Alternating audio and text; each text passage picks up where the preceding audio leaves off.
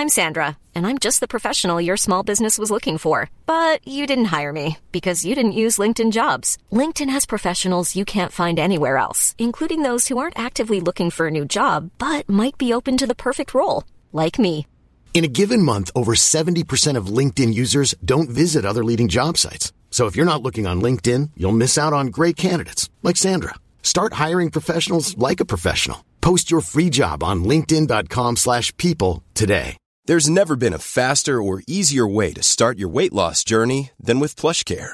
PlushCare accepts most insurance plans and gives you online access to board-certified physicians who can prescribe FDA-approved weight loss medications like Wigovi and Zepbound for those who qualify. Take charge of your health and speak with a board-certified physician about a weight loss plan that's right for you. Get started today at plushcare.com slash weight loss. That's plushcare.com slash weight loss. plushcare.com slash weight loss. Since 2013, Bombas has donated over 100 million socks, underwear, and t-shirts to those facing homelessness. If we counted those on air, this ad would last over 1,157 days. But if we counted the time it takes to make a donation possible, it would take just a few clicks. Because every time you make a purchase, Bombas donates an item to someone who needs it. Go to bombas.com slash ACAST and use code ACAST for 20% off your first purchase. That's bombas.com slash ACAST, code ACAST.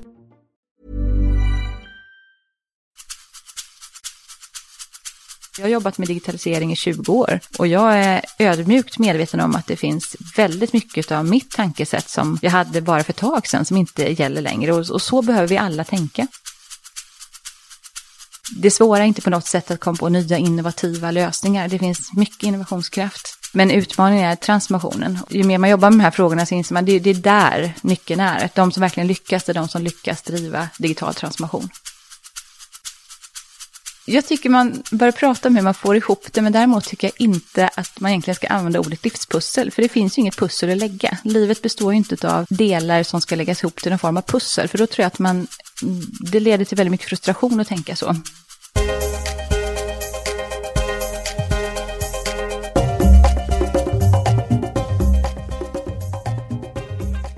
Välkommen till Karriärpodden. Det är jag som är Eva Ekedal. Och här i podden får jag förmånen att träffa och intervjua fantastiska kvinnliga ledare. I veckans avsnitt blir det ytterligare ett kärt återseende och denna gång med Ann Helenius, vår prisbelönta IT-direktör i Stockholms stad. Hon leder arbetet att digitalisera Stockholm, något som gjort att vi ligger i framkant vad gäller innovation och arbetet med den smarta staden. Hon sitter med i regeringens digitaliseringsråd och har nyligen också fått utmärkelsen som Europas bästa IT-chef. Hon är en IT-superstar och en äkta ledare. Ja, så lyder motiveringen till en av hennes många priser. Och det ska bli så spännande att få ha ett fördjupande samtal med Ann om just digitaliseringen och ledarskapet som krävs i framtiden. Det finns ett längre samtal med Ann i avsnitt nummer 38 som är ett av de mest uppskattade i Karriärpodden. Men nu ska vi göra en fördjupning i Anns nyckelämne, nämligen hur man leder i den digitala världen. Ann är en av våra co-designers i Women for Leaders Premium Leadership Program som startar senare i höst, där hon är med och utformar programmet i modulen som handlar om det digitala ledarskapet.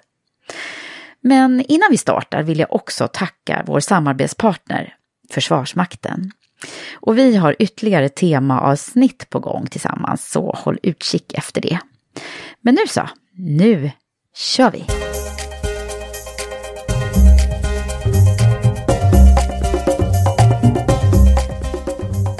Ann Helenius, välkommen till Karriärpodden.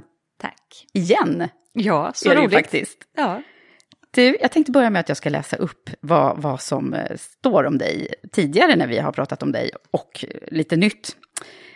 Ann Helenius, IT-direktören för Stockholms stad, som eh, nyligen blev utnämnd till årets CIO i Europa. Och CIO of the year i Sverige, Influencer of the year i offentlig sektor. Alltså, det bara haglar utmärkelser. Och tidigare då så står det också om dig att du har lång erfarenhet av chefs och ledarskap som managementkonsult och i olika chefsroller i Sverige och internationellt. Har också varit vd och byggt upp ett eget managementkonsultbolag och har arbetat med dig- digitaliseringsfrågor i både näringslivet och inom offentlig sektor. Alltså det är en lång harang det där. ja, Ja. jo, det är det. Och nu ska vi säga att jag, jag är hemma hos dig. Mm. Känns ju fantastiskt roligt. Ja, och sitter i din soffa. Ja. Jättehärlig soffa, jag har riktigt krypit upp här. ja, men det låter toppen. Det har jag ju också gjort. Ja. ja, men så härligt. Men du, det där, det har ju hänt otroligt mycket. Vi, det är ju tre år sedan ganska exakt, va? eller två och ett halvt kanske, mm. sedan du var med i, i Karriärpodden första gången. Mm, mm. Men det har hänt en massa saker på de åren. Ja, men det har det ju gjort. Det är, jag tror alla våra liv springer på en ganska snabb takt. Och för mig, så rent jobbmässigt, så jobbar jag ju kvar som it-direktör i Stockholms stad. Eh, ett jobb jag är väldigt glad över att jag har. Det känns väldigt värdefullt att få jobba med just frågorna kring digitalisering i Stockholm. Mm. Och där har vi ju både ja, skapat många nya tjänster för medborgarna och skapat just den här digitala transformationen som som jag så gärna vill jobba med. Ja. Eh, och vi har också... Och som du går, eller ni går i bräschen för på många sätt. Det är många som gör ett bra jobb ja. skulle jag säga, men, men Stockholm går absolut framåt. Det är en sak som är väldigt roligt, vi fick ju beslutat i kommunfullmäktige en strategi för Stockholm som smart uppkopplad stad, där både oppositionen och majoriteten står bakom. Och det är viktigt, det är viktigt att ha en stark politisk eh, förankring i de frågorna. Alla vill som, det här. Ja, ja, och det blir inte då en, ja det blir en fråga som, som får en stark eh, genomslagskraft. Så det är väldigt, väldigt roligt. Sen utöver jobbet i Stockholm som it-direktör så har jag några styrelseuppdrag som mm. jag är också väldigt eh, glad över. Ja, jag jobbar som styrelseledamot i Volvo Finansbank och det är ju enormt intressant. Både bilbranschen och, och bankväsendet, det den transformation som, som man genomgår där kopplat till mm. digitalisering är ju De väldigt lärorikt. Din kunskap där tror jag. Ja, men det är mycket frågor kring digitalisering såklart ja. och det, det är ju jätteintressant. Mm. Och sen ingår jag också i Lantmäteriets styrelse. Mm. Sen, är det nytt sen? Eh? Ja, det är mm. nytt. Och sen har jag också börjat jobba nationellt som rådgivare för, eh, i ett digitaliseringsråd eh, för regeringen. Så det är också väldigt intressant med de nationella digitaliseringsfrågorna och kunna se på vilket sätt jag då kan bidra där. Ah, vad häftigt. Ja, där är det faktiskt, det är någon, det är Darja också bland ja. annat som också har varit med i podden. Just det, Men, ingår också där. Berätta, vad, vad innebär det där egentligen? Ja, det innebär ju rent konkret att vi sitter ner tillsammans med eh, vår digitaliseringsminister Peter mm. eh, och eh, diskuterar ett antal frågeställningar då som är intressanta på nationell nivå. Nu har det ju släppts en ny digitaliseringsstrategi, eh, nationell sådan. Mm. Så det är mycket diskussioner kopplat till den givetvis. Ja. Vilka frågeställningar är viktigast att tänka på nationellt? Hur ska vi göra för att kunna snabba upp digitalisering ytterligare? Och vi används ju som bollplank då på, på olika sätt. Ja, så ni är liksom rådgivare. Ja. Upplever att man är lyhörd? Ja, det är mm. Det är absolut. So far. Ja. so far so good. ja, för den är ganska ny eller? Ja, den är ny. Vi, ja, det var precis i början av året som, ja. som det här digitaliseringsrådet eh, skapades. Men gud vad spännande. Ja, det händer mycket kring dig liksom. Ja, det händer mycket kring digitalisering framförallt skulle ja. jag säga. Det, det är en stor förmån att få vara med och jobba med de här frågorna. Det, det är det är så viktigt att vi snabbar upp takten på alla fronter. Det är både mm. privat och offentlig sektor. Mm, verkligen. Och det, det är jätteintressant verkligen att få vara med och, och, bidra i det. Det är en av de bitarna jag tycker är, framförallt känns värdefullt med det jobbet jag har idag. Det är att de förändringar vi gör verkligen skapar storskalig förändring. Mm. Du, vad, hur ligger Sverige till i förhållande till, nu blev du liksom utnämnd till årets, eller Europas, eller hur var det nu då? Europas CIO. Ja, jag tror egentligen anledningen till att jag eh, vann det priset, vilket jag är givetvis både stolt och hedrad över att få, det, det tror jag handlar egentligen mycket om att det uppmärksammas att just smarta städer är någonting som är verkligen viktigt framåt. Och det är uppe på EU-nivå mycket diskussioner kring hur man skapar smarta, hållbara städer. Så att jag tror jag fick bli en symbol för, för den utvecklingen. Ja. Um, och eh, hur Sverige står sig, jag skulle säga att vi, vi ligger bra till alltså internationellt definitivt. Vi, är fortfarande så att vi, vi toppar många rankingar kopplat mm. till innovation och, och, och, så vidare. Men samtidigt så är det många andra länder som rör sig oerhört snabbt. Framförallt mm. de asiatiska länderna och inte minst Kina. Så att det är också så att Sverige har tappat ett antal positioner inom ett antal olika index där andra mm. rör sig ännu snabbare. Okay. Så att här gäller det ju verkligen att eh, vi bygger på dem. Nej, inte man... alls. Tvärtom. Det är precis som jämställdhetsfrågan skulle jag vilja säga. Jo. Där verkligen. Mm. Och det, det gäller ju att, att, eh, se hur snabbt omvärlden rör sig och se till att verkligen mm. jobba kraftfullt med, med den digitala transformationen och innovationskraften i Sverige. Det är ju väldigt viktigt. Ja. Och vi har ju alla förutsättningar här. Det är ju Ja. det som är så fantastiskt. Ja, vi har det. Mm. Men du, eh, den smarta staden också. Ska, vi, ska vi berätta, vad, vad handlar det om egentligen? Liksom? Ja, egentligen anser jag att det kanske låter lite roligt med tanke på att jag jobbar med smarta städer, men jag anser att det finns inga smarta städer, därför att det, det, det handlar ju om hållbara städer. Eh, Det, det är, när vi driver utveckling i Stockholm så, så driver det utifrån fyra perspektiv. Det ena är liksom det ekologiskt hållbara, alla de klimatsmarta lösningar som, som går att göra. Och där digitalisering är ju en liksom starkt drivande kraft i det. Och sen så är det ju det finansiellt hållbara, det vill säga alla kostnadsbesparingsmöjligheter som går att göra med hjälp av digitalisering. Men sen likväl då det socialt och demokratiskt hållbara som är ju två andra hållbarhetsaspekter som vi i Stockholm och i Sverige jobbar väldigt mycket med. Vad innebär det då? Ja, men det demokratiskt hållbara handlar ju mycket om att, att medborgarna ska kunna vara med i de demokratiska processerna. Och här tänker jag allt som, som eh, digitalisering kan bidra med. Vi har exempelvis i Stockholmsrummet i, i, vid Kulturhuset i stan.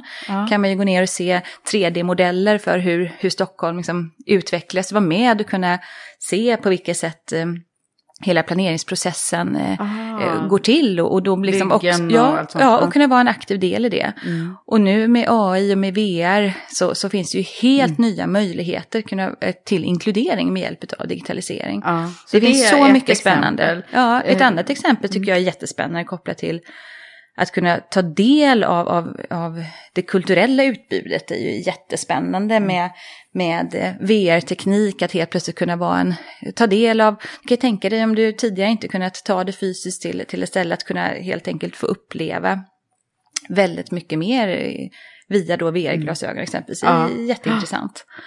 Men, men vi jobbar ju också med digitalisering och medborgardialoger på olika sätt. Det är också viktigt ur ett demokratiperspektiv att komma i kontakt med medborgargrupper som man inte gjort tidigare och kunna ha möjlighet till dialog med andra grupper än vad man kanske traditionellt har lyckats med tidigare. Ja. Med hjälp av den digitala tekniken. Mm. Och skolans värld, där har också hänt mycket. Det är Där. ju din gamla arena Ja, också. ja, ja. ja, men där händer det enormt mycket och det måste ju verkligen hända.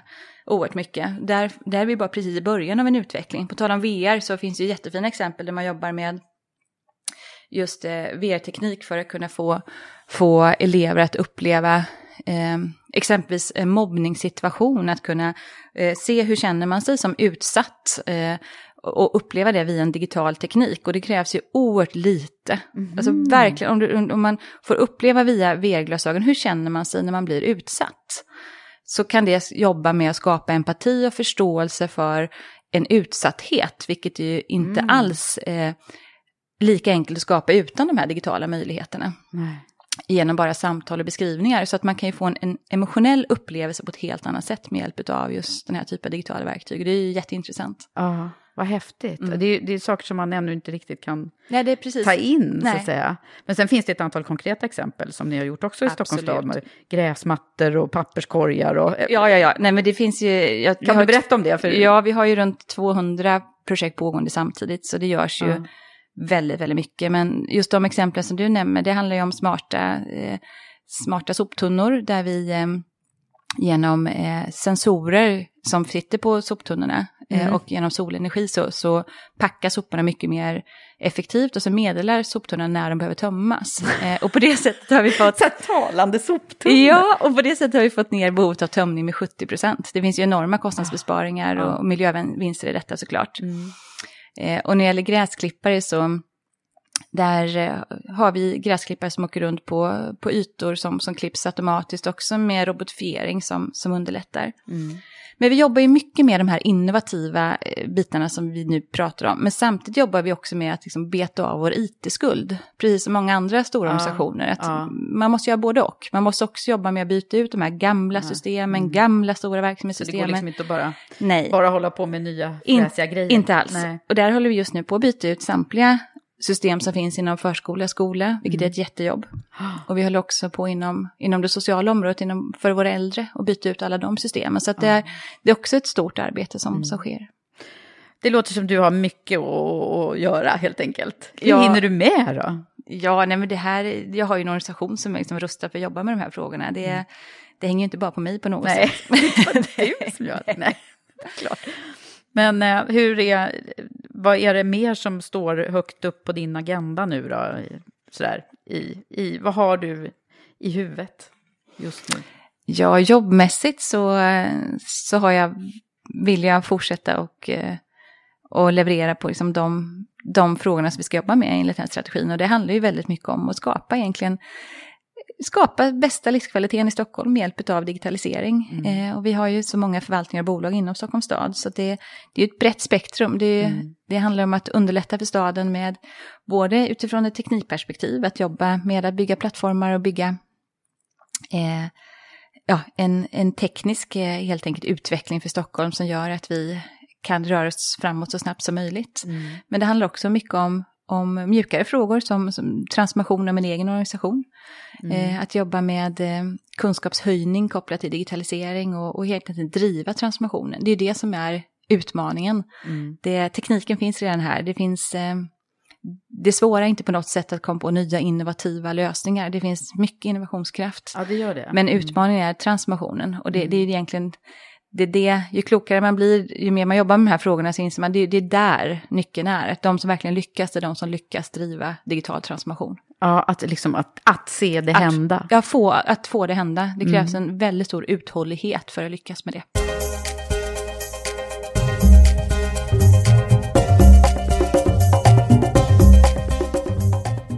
Och, och i ditt liv i allmänhet?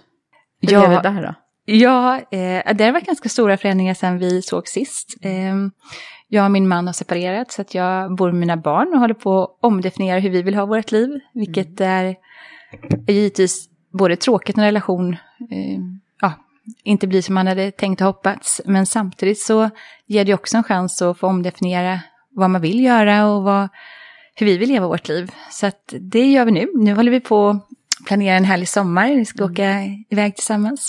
Mm. Jag har... Eh, jag satt mig och börjat fundera på vilka ställen i världen vill jag visa mina barn. Mm, jag har haft förmånen att få resa mycket i mitt liv och vara på många olika platser. Och då har jag börjat tänka på vilka ställen skulle jag verkligen vilja att mina barn får uppleva och se. De är ju nu 11, 9 och 6. Och då, Santorini är en av de här magiska, vackra platserna mm. som det vill jag verkligen att de ska se och uppleva. Så dit ska vi åka nu. Åh, härligt. Så vi åker dit nu några veckor. Så det, det är där härligt. de har så fantastiska solnedgångar också. Ja, precis mm. så. Precis så. Mm. Ja, vad härligt. Mm. Men du, eh, okej, okay, så de tre barnen och du, eh, hur, det berömda livspusslet, ska vi, ja. ska vi prata om det då? Hur ja, får man ihop detta? Jag tycker man bör prata om hur man får ihop det, men däremot tycker jag inte att man egentligen ska använda ordet livspussel, för det Nej. finns ju inget pussel att lägga. Livet består ju inte av delar som ska läggas ihop till någon form av pussel, för då tror jag att man, det leder till väldigt mycket frustration att tänka så. Mm. Det där pusslet har nog en tendens att aldrig kunna lägga sig, och de här sista bitarna får liksom inte riktigt plats. Så man istället, jag tänker istället att jag har liksom en ödmjuk glädje för att få vara mamma till de fantastiska, underbara barnen som jag har. Och, och känner väldigt glädje i det och också en väldigt stor glädje i att kunna ha ett jobb som jag har. Och, och eh, lägger mer tid och energi på att eh, just se det vackra i att, att liksom kunna ha både och. Och sen finns det väldigt mycket som jag inte hinner med. Mm. Och det är helt okej. Okay. Mm. Ehm, det är helt okej, exempelvis att du kommer hem till mig idag. Jag skrattade och sa så här att det, idag ser det ut som det gör hemma hos mig och det är helt okej. Nu sätter vi oss i soffan och har ett mm. härligt samtal. Mm. Att släppa de här prestationskrav man har på, på sig själv i, i, alla former och se till att ta hjälp. Jag tar mycket hjälp. Mm. Eh, både i jobbet och i privat för att just få hela logistiken att funka hemma. Mm.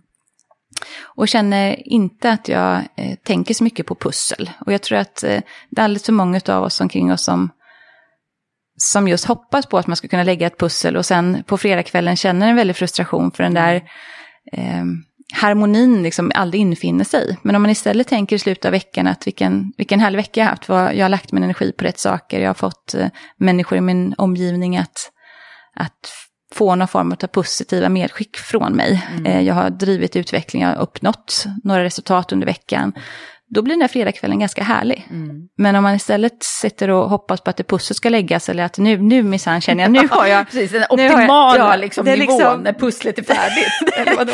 Den infinner sig liksom inte. Nej, den gör ju väldigt Nej. sällan det. Det är ju väldigt klokt att tänka så. Mm. Och, och, man pratar ju mycket om det med livshjul också. Mm. Eh, jag som då har jobbat med lite terapi och coaching, där, mm. där pratar vi ju väldigt mycket om mm. det här med de olika delarna liksom. Mm. Livet, karriären, relationen och liksom även kroppen och fysiken, liksom hur man får ihop hela det här. Vad, vad, om du skulle liksom lägga det här hjulet med mig nu, vad, vad är det du känner att du skulle behöva ägna mer än din egen tid och- och- åt? Jag tänker nog inte så mycket utifrån det hjulet heller, även om jag förstår precis hur, hur du menar. Men för mig går flera av de där tårtbitarna ihop i ett sådant hjul. Eh, så jag kan inte riktigt tänka så selektera kopplat till, till, till eh, livet att, att, eh, ja, att det finns de här beståndsdelarna man ska försöka få en jämvikt dem mellan heller. Utan jag tänker nog mycket mer utifrån en tacksamhet varje dag, att överhuvudtaget få leva och vara frisk. Att, eh, att känna massa positiv energi från barnen som är så enormt stor del av mitt liv. Och- Men också i kombination med hälsa. Hälsa och barnen och jag ihop är liksom en stor del upplevelser utav liksom, annan typ av eh, input. Eh, får gärna komma ihop ihop med de andra tårtbitarna. Så, så jag tänker inte så ja, att det Nej. segmenteras på det sättet. Nej. Ehm, och jag känner snarare just eh, det här att kunna känna väldigt stor ödmjukhet för, för det jag har här och nu.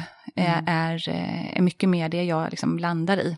Ja. För jag tror även ett och det är ju det här med när man har varit i, i svåra situationer i livet så, så brukar man bli väldigt bra på att komma ihåg det här att, ja, men gud, jag struntar väl i dammtussarna Ja. eller, eller hur? Just, och, och min upplevelse är att när jag själv har haft de här svåra stunderna, då är man så smart. Mm. För då vet man precis alltså, vad det är som är viktigt i livet och man gläds åt det så att säga. Medan man ganska lätt kan glömma bort det där och helt plötsligt bara irritera sig på dammtussarna igen. Ja. Jo, men är du verkar ha en förmåga att kunna hålla i det där. Ja, nej men jag, jag, jag tror mycket på att försöka jobba konstant med väldigt mycket närvaro och medvetande. Jag mediterar varje dag och tycker Ja, det är gör viktigt. det. Mm. Ja. Så att jag skapar nog min, eh, även om jag inte tror på de här olika typer av tårtbitarna Mm. som vi precis pratade om, men, men jag skapar nog min egen liksom, närvaro och medvetenhet i det som gör att jag får en stor lugn och gör att jag kan vara väldigt fokuserad på, på de bitar jag behöver vara i, i livet.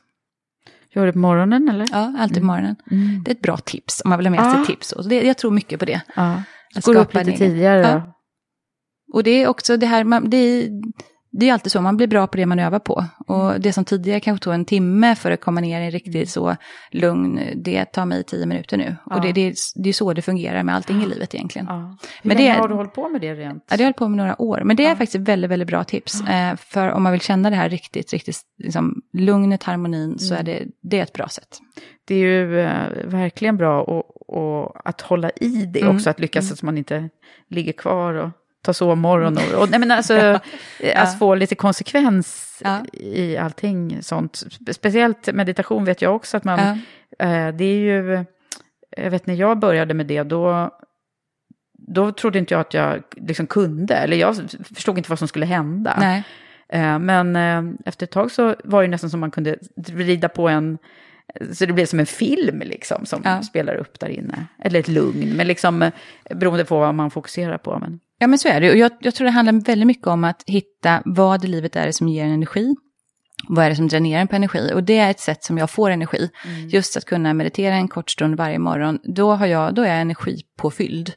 Och har liksom landat i ett, ett lugn som gör att jag sen känner mig ja, väldigt energirik resten av dagen. Och det, det, är, Gud vad härligt, så det, Det har härligt. du gjort här idag. det har jag absolut gjort här idag. Och, och kommer du göra det hela sommaren också? ja, ja, det kommer jag göra. Ja, ja, det är bra. inte som semester från meditationen liksom. Det får man inte göra. Nej, nej, nej. Nu ska det vara en härlig meditation på Santorini. Det är liksom det jag ser framför sig, eller hur? Ja, där kan jag tänka mig att man kan meditera väldigt bra faktiskt.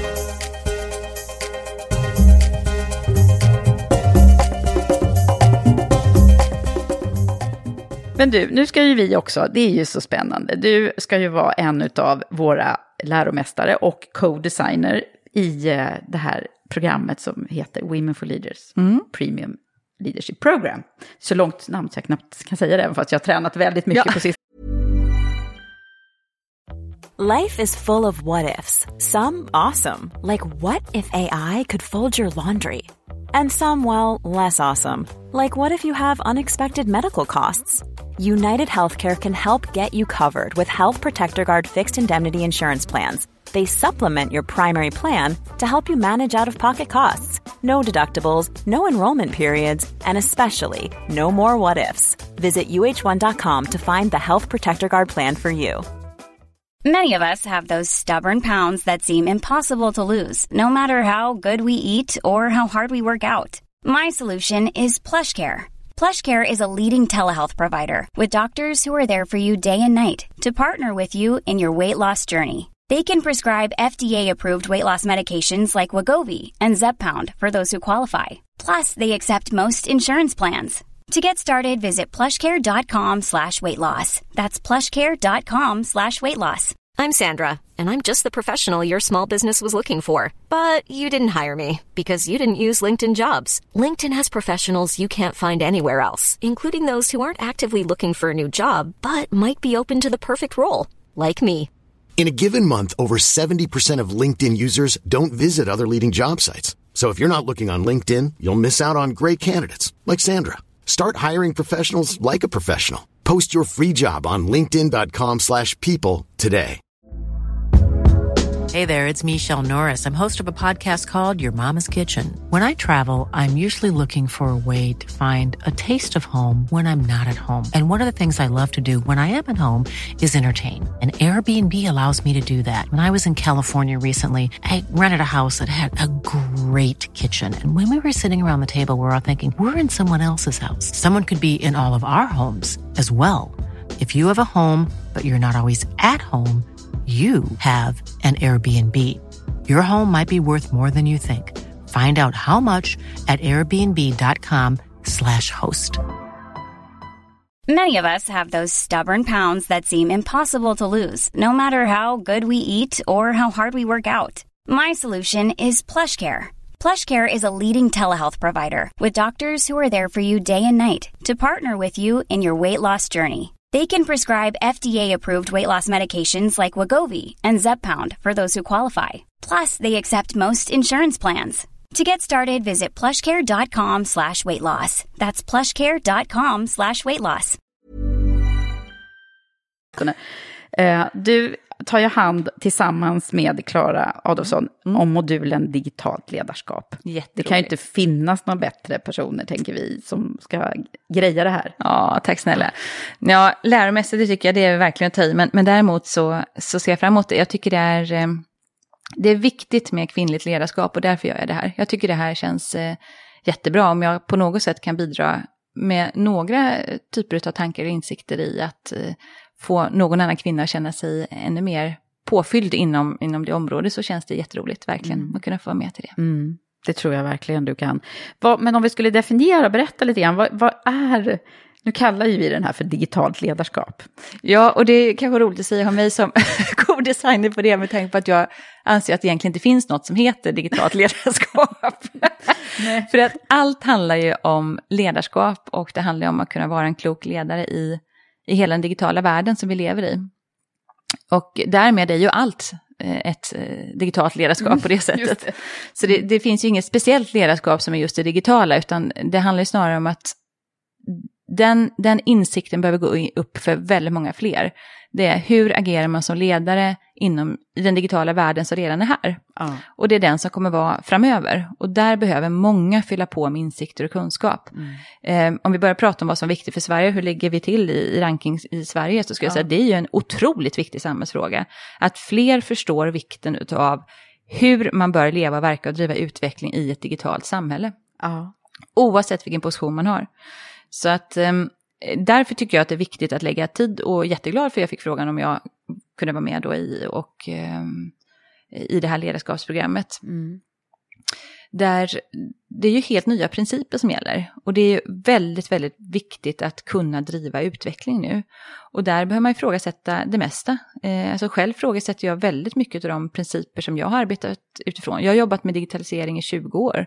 Och jag är ödmjukt medveten om att det finns väldigt mycket av mitt tankesätt som jag hade bara för ett tag sedan som inte gäller längre. Och, och så behöver vi alla tänka. Eh, Det genomsyrar allt för mig, exempelvis hur jag rekryterar. Eh, Det går inte i ett digitalt samhälle att rekrytera främst på det som eh, meriter man tidigare haft, det man tidigare har gjort. Eh, Där, numera rekryterar jag väldigt mycket mer på potential, de som jag ser kan bidra framåt snarare än det som tidigare, mm, vad man, Man tidigare har gjort. meriter, ja. Mm. Och det, det är ju per definition omöjligt numera att rekrytera per, på det man har gjort med tanke på hur snabbt utvecklingen går. Mm.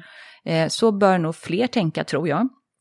Det är jätteviktigt att få sina organisationer att kunna jobba i tvåtakt. Vi pratade tidigare om för Stockholm med de här innovativa, roliga, spännande utvecklingsområdena, exempelvis med AI och med, med eh, VR som jag gav exempel Mm. på. Men samtidigt måste man ju vara jättebra på de långa processerna, beta av sina it-skulder, hitta sätt där man är, får organisationen att jobba i tvåtakt. Alltså både snabbt Ja, och, och då långsamma processer samtidigt. Och som ledare kunna bemästra det. Mm. Det ser jag alldeles för många där den poletten inte har trillat ner än. Mm. Eh, för, det, för att lyckas med det så kräver det att man transformerar organisationerna fullständigt. Egentligen går vi precis på tvärs genom hur organisationsstrukturerna ser ut. Mm. Du gjorde ju ska ganska kunna- radikala grejer redan när du började Ja. som CIO. Jag började med att lägga ner min egen avdelning och skapa en ny avdelning, en avdelning för digital utveckling. Mm. Och tittar man på de traditionella IT-avdelningarna så måste de ju ifrågasätta sin existens fullständigt. Det, det handlar ju om att transformera de här organisationerna så att de verkligen kan vara med och driva utveckling. Mm. Och det ska bli väldigt intressant att se hur det blir framåt. Ja, för det är många som jobbar kvar i sina både silos och, Ja, och ja. rutsystem. Jag tror ju inte alls på det. Man, behöver, Kompetenserna ligger i olika lådor Ja. liksom. Man måste hitta sätt där man fullständigt ifrågasätter detta och utgår 100% ifrån de man är till för och skapa organisationer som, som matchar det och som snabbt kan ta in och transformera sig och ändra sig. Ja. Hur gör man då? Ja, det är det, Eller det är det du ska det, berätta det, det det jag ska berätta om på programmet. Nej, men det handlar ju om att driva den digitala transformationen. Det är där återigen, det är där nyckeln finns. De som verkligen lyckas idag, de som lyckas just nu och lyckas med den hastigheten som krävs, de är riktigt starka på att driva just digital transformation. Mm. Och det är det vi kommer prata om mer om i programmet också. Hur gör man då det? Mm. Och hur avdramatiserar man det som handlar om digitalisering och får det som är något helt naturligt? Mm. Alltså det är som, Men det är det är verkligen så här, alla pratar ju om det idag. Jo, men det, men det i sig är nästan lite komiskt. Ja. Därför att eh, om bara några år så kommer vi nog sitta och skratta åt det. Alltså, det. Idag är det ju ingen som sitter och pratar om el. Det förträffliga med el och liksom, utan det finns ju bara där och Ja. liksom hjä- hjälper oss. Och likadant är det med digitalisering. Det, Ja. det är ju, om några år kommer man inte sitta och prata om det ens, utan det är just nu, nu vi gör det. Och återigen, det är transformationen som är den viktiga. Och Mm. Ja. hitta sätt att komma Just framåt. Och då, då, och då måste är det ju man så här, då kan man vända sen, vad som kommer efter det, då är det en transformation. Absolut. Mm. Men då gäller det att vara smart och bygga organisationer som verkligen är rustade för att klara det. Mm. Och då behöver man verkligen ifrågasätta allt ifrån belöningssystem till processer till organisation till, Ja. till hur, man, ja, hur man jobbar.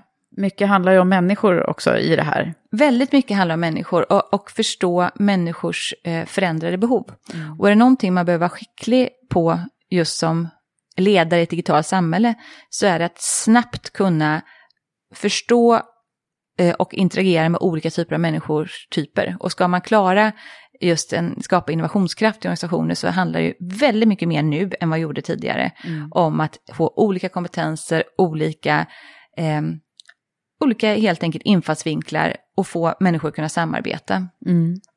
Och då och få dem att förstå- samarbeta över liksom, gränser. Och, Ja. Eller hur? Det, det tycker jag, jag kan se att vi kommer inte jobba i samma typ av liksom, anställningar där Nej. man gör samma saker och där man hör till en avdelning. Utan Nej. det kommer att bli mycket mer gränsöverskridande över, överlag. Ja, eller sudda ut gränser till och med. Alltså Ja. inte jobba över gränser utan snarare helt Ja, få bort det. gränser. Jag tycker det är så intressant det här med eh, anställningsformer. Mm. Alltså att vi, i USA är det över 40 procent som, som jobbar i icke liksom, vanliga anställningar. Ja. Över 40 Ja, procent är som är antingen jobbar i eget eller i nätverksform ja, eller ja. olika visstids, alltså Mm. kortare grejer och så. Mm. Det är ju väldigt så här, ja, vi är ju inte där riktigt, jag vet inte vad vi har för siffra, men det, det är ju åt det hållet kanske det kommer att bli. Ja, absolut. Det kommer ju förändras väldigt mycket. Och också hela robotifieringen kommer ju också... Det kommer ju vara ett antal jobb som kommer försvinna, ett antal Ja. jobb som kommer... Nya jobb som kommer skapas. Så, så här pågår ju en väldigt, väldigt stor förändring. Inte bara kopplat till anställningsform, utan också vilka jobb som kommer vara relevanta framåt. Och här, här upplever jag att det finns... ehm, stort behov av ökad kunskap kring vilka möjligheter det är detta också. Alltså vilka möjligheter finns det eh, i, i det digitala samhället. Ja, och tycka att det är kul. Och tycka att det är kul, ja. Mm. Men det gör kanske de flesta, eller hur upplever du? Ja, alltså jag upplever också att man behöver avdramatisera det här med digitalisering. Jag upplever att det finns en stor, som, som du sa nyss, så upplever jag att det, det, är många som pratar om digitalisering just nu på ett sätt som jag verkligen tror att man om några år längre fram kommer tycka att det är nästan lika komiskt som att vi nu skulle sätta oss och ha en konferens kring el eller ha en, ha en podd kring el. Lika, lika konstigt skulle man tycka liksom att om några år, varför satt man där 2017 och pratade om digitalisering? ja, eh, så, eh, men jag upplever att det finns en stor stor nyfikenhet men också mycket osäkerhet i allt från styrelsenivå till, till ledningar till, till medarbetare kring, kring de här frågorna. Mm. Så att jag tror också det handlar mycket om att avdramatisera. Jag brukar säga att, att det är klokt att också ha någon form av historiskt perspektiv kring, kring detta. Alltså det, det, teknisk utveckling har alltid påverkat samhället. Mm. Eh, teknisk utveckling har alltid drivit eh, ny innovation och nya företag det är precis samma nu som innan, det är bara mm. att det går så oändligt mycket snabbare just nu. Mm. Eh, jobb det, det är liksom inte en förändring nej, utan det pågår nej, hela det tiden. Det pågår hela, hela tiden.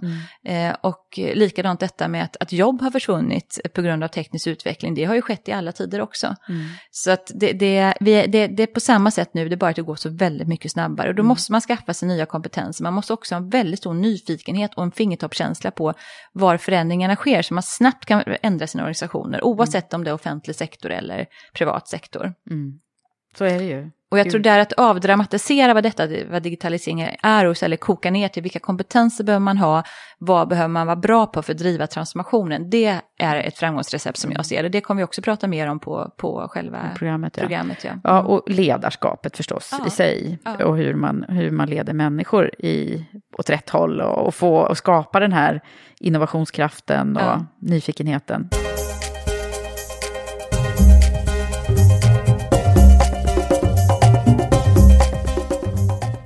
Men du, jag tänker på det här med män och kvinnor.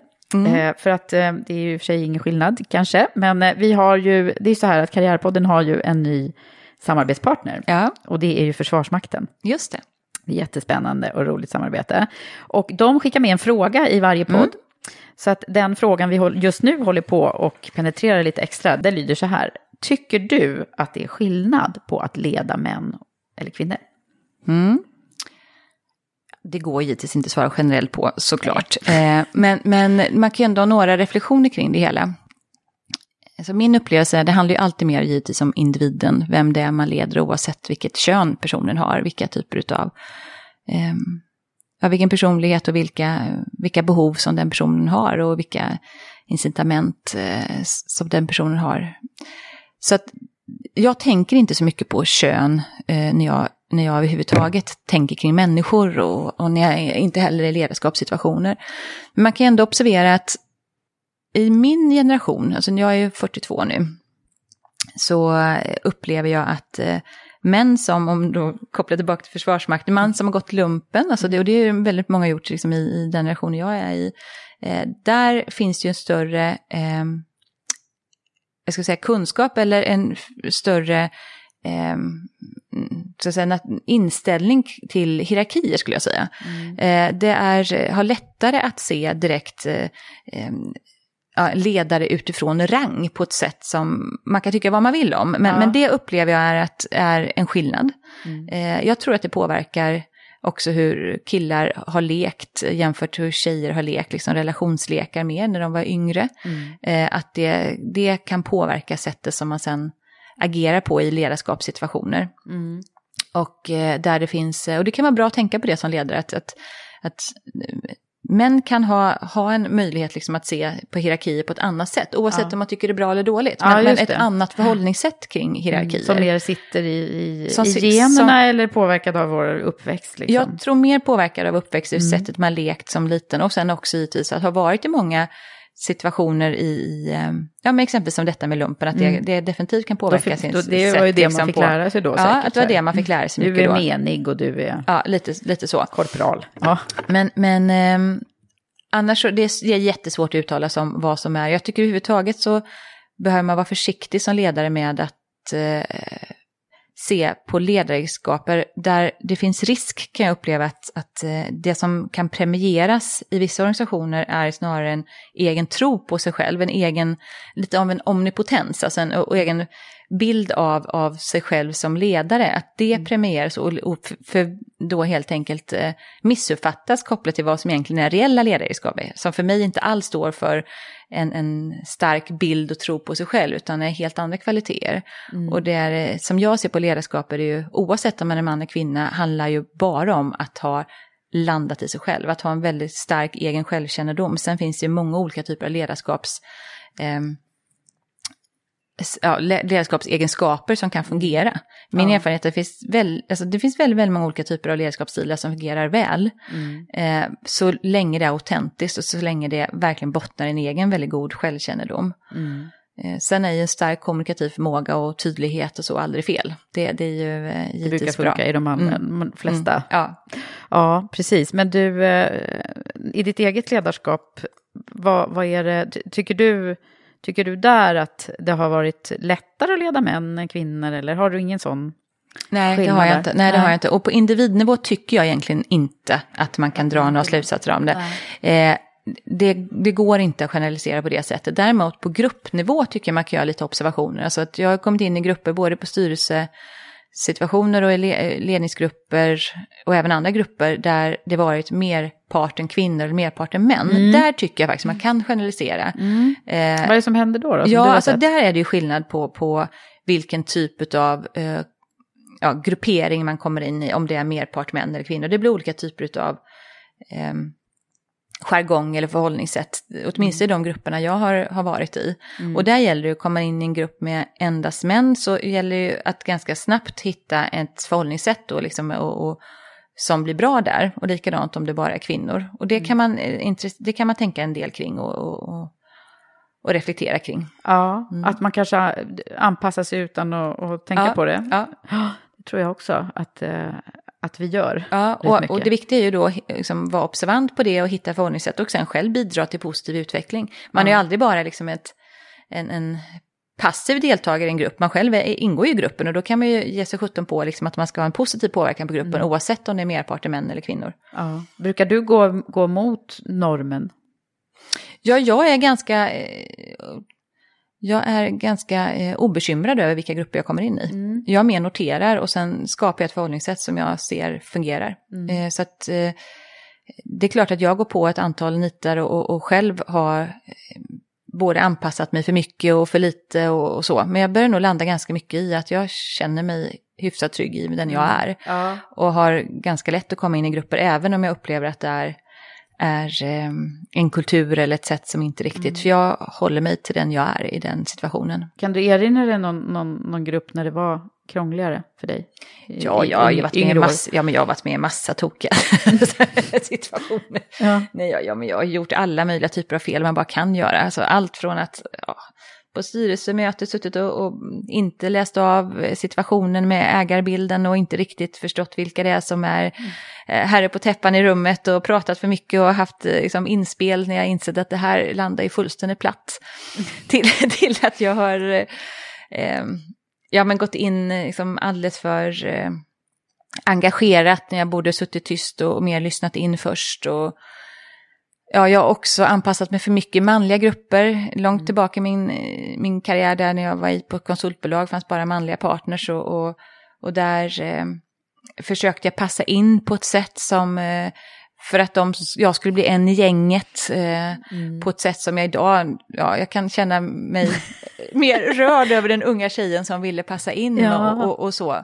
Men Samtidigt jag har vi inte väldigt- liksom en önskan oftast när vi i yngre år? Alltså det är tydligare det här att man, ja, men man vill vara en i gänget. Liksom. Jo, absolut. Och samtidigt kan jag tycka att det är... Eh, ehm, så är det såklart. Vi alla människor vill vara i gruppering där vi passar in och så försöker vi anpassa oss eh, mer eller mindre för att just kunna bli en del av gruppen.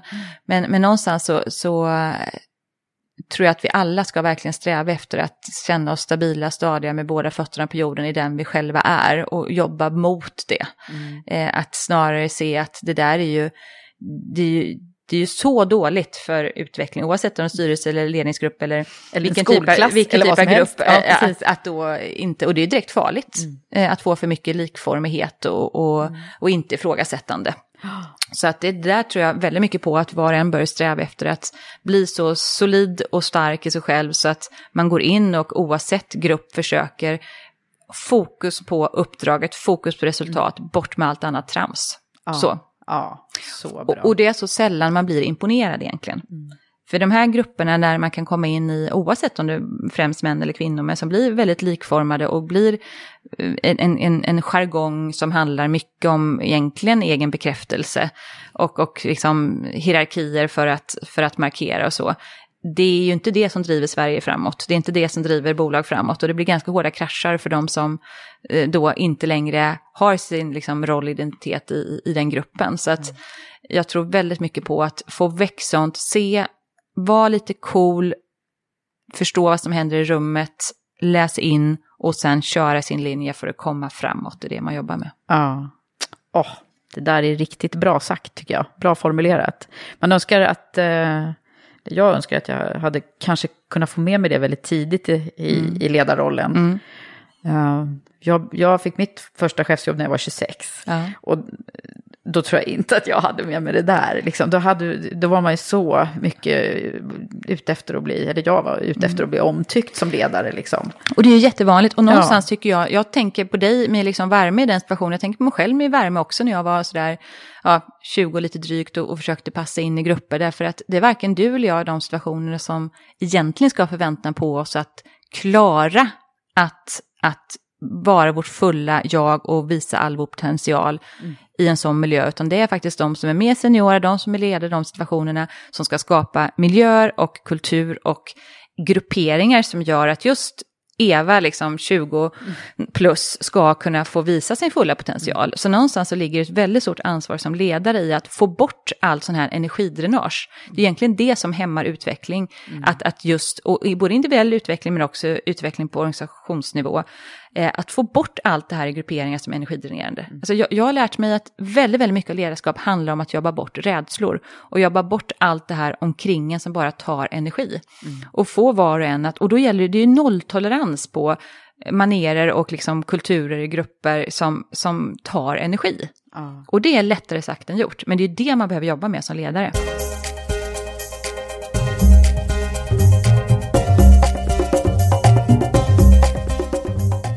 Men du Ann, ska vi ta och summera lite grann nu? Vad, vad, vad är det nu om man liksom vill vara en bra ledare i den här digitala världen? Vad är det som är det viktigaste att tänka på, tycker du? Mm. Ja, först handlar det om att skapa organisationer som verkligen kan snabbt förstå de förändrade behoven som finns. Eh, och kan skapa organisationer som kan agera på det. Sen tänker jag att det handlar väldigt mycket om att eh, själv ha en uthållighet och skapa en uthållighet i organisationerna för att just driva den digitala transformationen. Det är, det är tufft eh, och det gäller att orka det och skapa organisationer som har en uthållighet i det. Ehm, sen tänker jag också att det handlar väldigt mycket om att bemästra förmågan att hantera två takter. Att både kunna vara, skapa organisationer som, som jag började med att säga, snabbt läser av, förändrar behov, kan agera, skapa innovativa lösningar. Men också ha organisationer som kan jobba med de långa processerna, det som många traditionellt sett är bra på inom sina ja, nuvarande organisationsstrukturer. Och klara att hantera det bimodala, alltså det, att klara de här två takterna samtidigt. Ja, det är inte så många som kanske har greppat det ännu. Nej, eh, och, och där handlar det också om att verkligen skapa digital transformation så är det ju väldigt, väldigt viktigt att ha oerhört god förmåga till att både kunna förstå och interagera och läsa av olika typer av personlighetstyper och försöka få dem att fungera tillsammans och skapa incitament så att de verkligen blomstrar. Och, och då blir ju den mänskliga förmågan bara viktigare och viktigare i ett Ja, digitalt även samhälle. fast det liksom, man tror att digitalt Ja. handlar bara om teknik, men Det det blir inte. ännu viktigare med att just kunna förstå de mänskliga bitarna, skulle jag säga. Ja, så det är människan och tekniken i samspel. Precis så. Vad härligt. Ann, nu skulle jag vilja säga tack så oerhört mycket för att jag har fått vara här i din soffa och hemma hos, Ja. hemma hos Ann och få ta del av det här härliga samtalet med dig. Mm, tack snälla.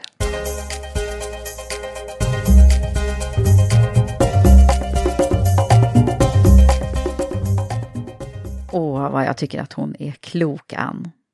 Varje gång efter ett samtal med henne blir jag liksom uppfylld av kraft och energi. Hoppas att du också blev inspirerad av Ann och kanske är sugen på att höra mer om vårt exekutiva ledarprogram, Women for Leaders Premium Leadership Program. Du hittar mer information på vår hemsida, womenforleaders.com.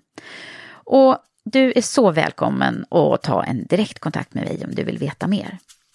Ha det nu så bra så hörs vi snart igen. Hej hej!